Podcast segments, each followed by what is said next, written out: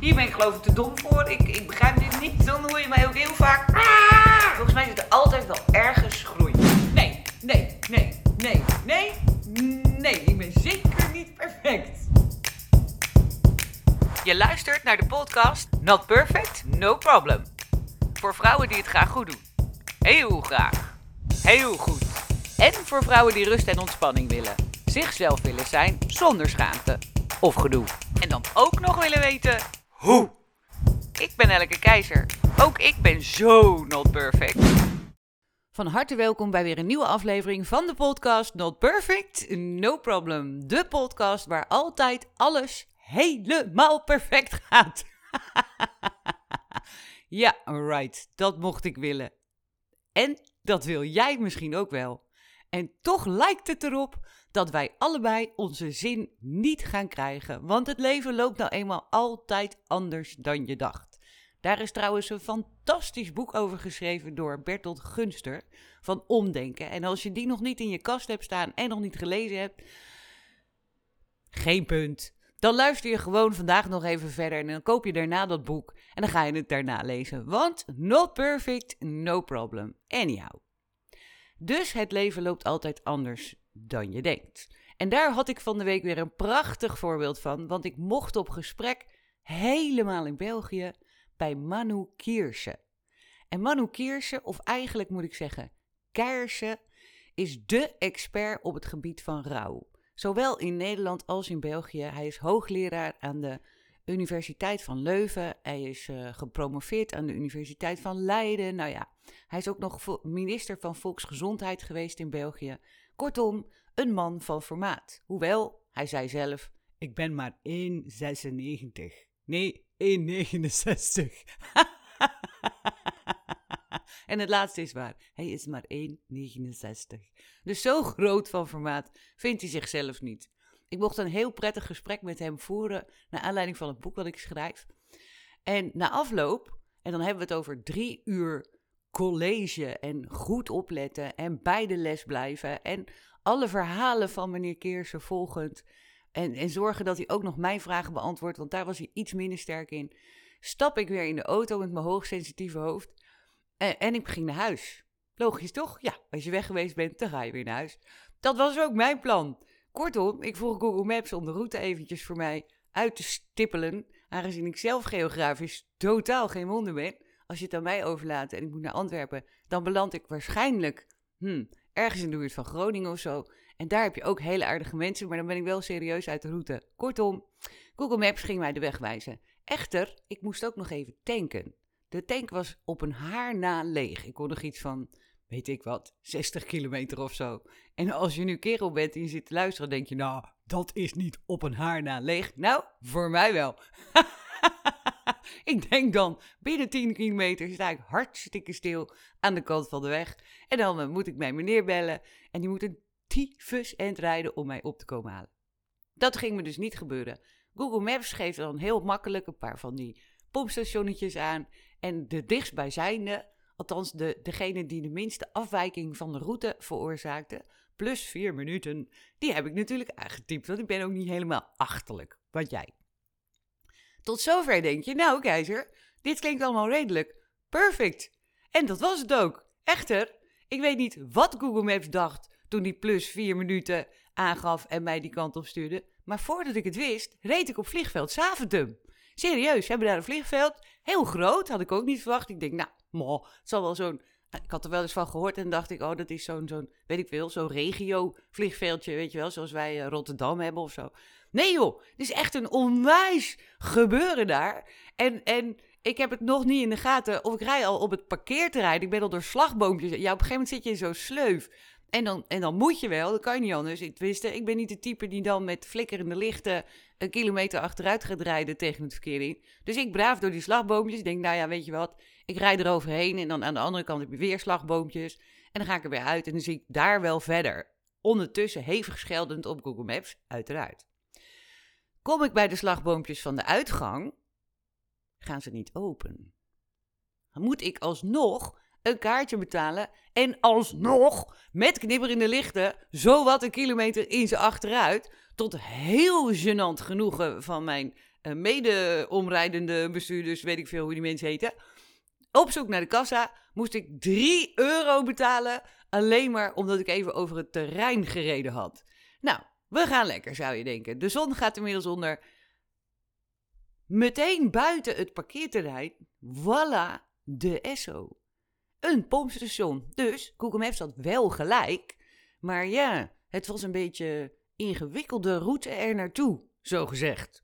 Ik heb lachend getankt, lachend geplast. En omdat ik geen koffie kreeg bij meneer Keersen, uh, geen kritiek, maar het was nou eenmaal zo. En ik ben koffieverslaafd. Dus ik had inmiddels al vier uur geen koffie op. Dus misschien was dat misrijden over dat parkeerterrein en zo ook wel gewoon helemaal mijn eigen schuld. Zou ook nog kunnen. Gewoon een gevalletje withdrawal of zo van, van, van mijn koffiegebrek. En jouw pompstation, koffie, piezen, tanken. We zijn er helemaal klaar voor en ik stier werkelijk naar huis.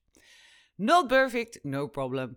En als dit soort dingen gebeuren, en ze gebeuren me vaak, vrees ik, dan denk ik inmiddels meteen: oh, nou ja, ik schrijf er wel weer een column over, of ik maak er wel weer een podcast over. En eigenlijk ben jij dus het slachtoffer van al mijn mislukkingen. Maar eh, ik hoop dat je heel vaak denkt: het kan altijd erger. en dat is ook zo. Het kan ook altijd erger. Maar daar hebben we het in een andere aflevering ook al eens over gehad. Dat als je jezelf dan toch met iemand wil vergelijken, want dat doen we nou eenmaal, doe dat dan met iemand die slechter af is dan jij. Niet uit nijd en niet om lelijk te doen of, of uit te lachen of zo. Dat mag al helemaal niet. Je mag ook geen mensen buitensluiten. Oh, wat mogen we vandaag veel niet? Nee, maar daar sta ik nou eenmaal voor. En als jij er anders over denkt, moet je dat lekker doen. Maar uh, ik persoonlijk ben er niet zo hard voor om mensen uit te lachen of buiten te sluiten. Je mag er wel naar kijken met compassie en denken: hé, hey, het valt bij mij wel mee. En als je dan toch in een hele goede bui geraakt bent, omdat je dat denkt, kun je natuurlijk altijd nog even overwegen om je hulp aan te bieden aan die persoon waar jij je dan mee vergelijkt, waardoor jij opeens een soort lachend door het leven lijkt te gaan. Hè? Kijk, ik kan ook kijken naar alle auto's die lachend naar huis stieren en desnoods zonder navigatie en zonder oogproblemen en zonder, oh ik heb last van de ondergaande zon, et cetera, et cetera. Uh, maar daar heb ik niks aan, want dan kom ik volledig depressief thuis. Maar ik wijk aardig van het onderwerp af, want het ging over het leven loopt altijd anders dan je denkt. En um, dat ligt heel vaak aan mij, heb ik gemerkt. Ja, ik zou ontzettend graag het leven de schuld willen geven van al deze uh, onrust en chaos en uh, haperingen. Maar meestal ligt het echt aan mij. Een uh, neef van mij, die had laatst een kleine discussie met zijn zus. En zijn zus vond dat hij iets anders had moeten doen en die was het ergens niet mee eens. En had ze twee nachten wakker van gelegen, dus ze belt hem en ze zegt, joh, la la la, ik ben het er allemaal niet mee eens en ik vind het niet fijn. Nou, dat wou ik je toch even vertellen. En mijn neef, die, die, die, nou, zeg maar redelijk mannelijk in elkaar zit, die blijft heel kalm en rustig. En die zegt, ja, het is een probleem als je er een probleem van maakt. Alleen als jij er een probleem van maakt, is er een probleem. Nou, je snapt dat zijn zus ongeveer in de hoogste boom zat en, en in staat was om acuut en per direct van haar broer te scheiden. Maar ik heb me rot gelachen. Want natuurlijk is het niet het meest charmante, invoelende antwoord wat je zou willen als je al twee nachten wakker hebt gelegen en je hebt besloten om al je moed bij elkaar te rapen en toch eens een keer een grens aan te geven en te zeggen dat je het ergens niet mee eens bent, dan is dit niet de meest charmante reactie en niet de meest invoelende. En je voelt je niet heel lekker gehoord en gezien en begrepen en, uh, en je hebt al helemaal niet het idee dat het in het vervolg anders zal gaan. Maar de gast heeft wel gelijk. Ja, ik vind het ook niet leuk. Maar hij heeft echt gelijk. Als ik ergens een probleem van maak. Nee, pas als ik ergens een probleem van maak, dan is het een probleem. En alleen als ik er een probleem van maak, dan is het een probleem. Hmm. Oftewel, toen ik, nou, soort van lachend, wel een beetje zenuwachtig en met zweetoksels en zweethandjes, want ik hou niet van uh, verdwalen en, en, en die tours waar ik geen controle over heb, over dat parkeerterrein reed, was dat geen probleem. Want dat maakte ik er niet van. Als er dingen misgaan, als ik, ehm, nou, voorbeeld. Deze herken je vast. Ik was van plan om de hele dag voor mezelf te gaan werken. Dat had ik helemaal ingeregeld. Alles was, iedereen was het huis uit. Uh, ik, zat helemaal klaar. Ik zou mijn boek gaan schrijven. En echt van s morgens vroeg tot, nou, s'avonds laat is een beetje overdreven, maar zeg maar tot een uur of zes. En die tijd had ik ook.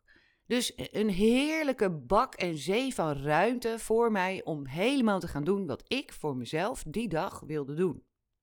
Ha, toen belde mijn oudste bemoeizoon. Nel, uh, zou jij misschien als je hier naartoe komt boodschapjes willen doen? Hij zou anders moeten lopen en ik ben met de auto. En het komt met bakken uit de hemel. Nee, maar echt met bakken uit de hemel. Dit is, dit zeg maar, nou, ik denk twee maanden geleden of zo. Toen, toen hadden we hier eh, de zondvloed. Nou, thuis hebben we nu ook. Maar toen hadden we hem ook. Eh, dus dat vind ik zielig voor de kind. Dus ik zeg met mijn goede hartje: Ja hoor, ik uh, doe die boodschappen wel even. En ik denk ondertussen: Ach, nou ja, dan ga ik een half uur eerder weg. Dat ik van plan was. En dan, nou, dus toch te overzien, half uur, prima. Uh, en ik werk lekker verder. Totdat mijn meneer belt. En die is aan de klus. En die heeft een noodgeval. Want de quickfix is op. Of dreigt op te raken. Of gaat op. Of. Nou, de quickfix is. Uh, daar doe je heel snel eh, van alles mee vastplakken. En het gaat nooit meer los. Nee, maar echt. Er is geen reclame van te vinden. Maar echt waar. Als je met quickfix iets vastplakt. Of maakt. Of monteert. Of weet ik wat. Dan gaat het nooit meer los. En voor deze klus had hij daar heel veel voor nodig. Nu klinkt het net alsof hij de badkamer in elkaar aan het lijmen was. Dat is niet zo. hij is echt heel goed in wat hij doet. Maar soms heb je gewoon quickfix nodig.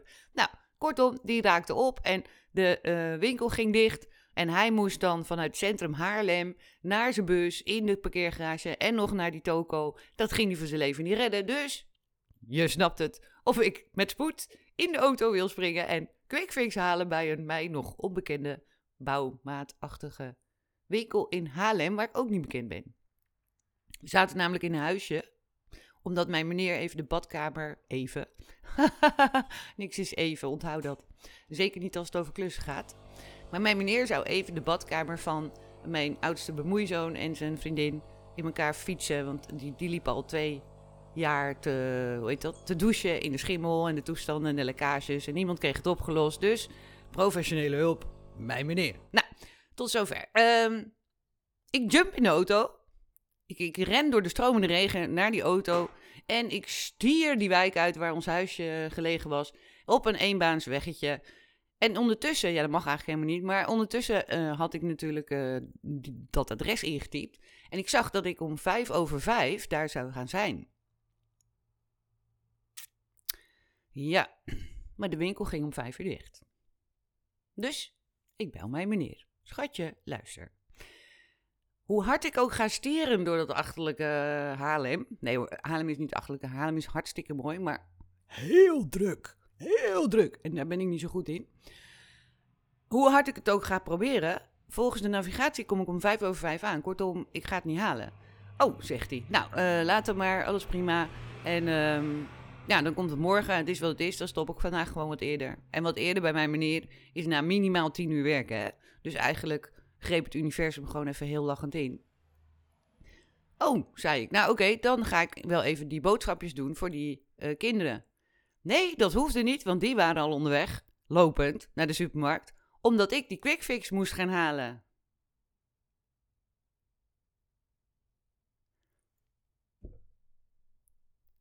Dus ik sta daar op die eenbaansweg, eenrichtingsverkeer, in de middle of niks, in het donker, in de stromende regen, heb ik mijn werk en alles wat ik voor mezelf van plan was, ruim voor tijd losgelaten en achtergelaten. En niemand heeft me nodig. Nou, dat is echt zo niet oud verantwoord. Zoveel veranderingen achter elkaar en zoveel wisselingen van schema en van planningen en van daar kan ik zo niet mee. ik, nou, eh, eh, eh, mm. nou, mijn meneer roept nog heel voorzichtig: Sorry, schatje, maar ik heb hem al opgeflikkerd. Nee,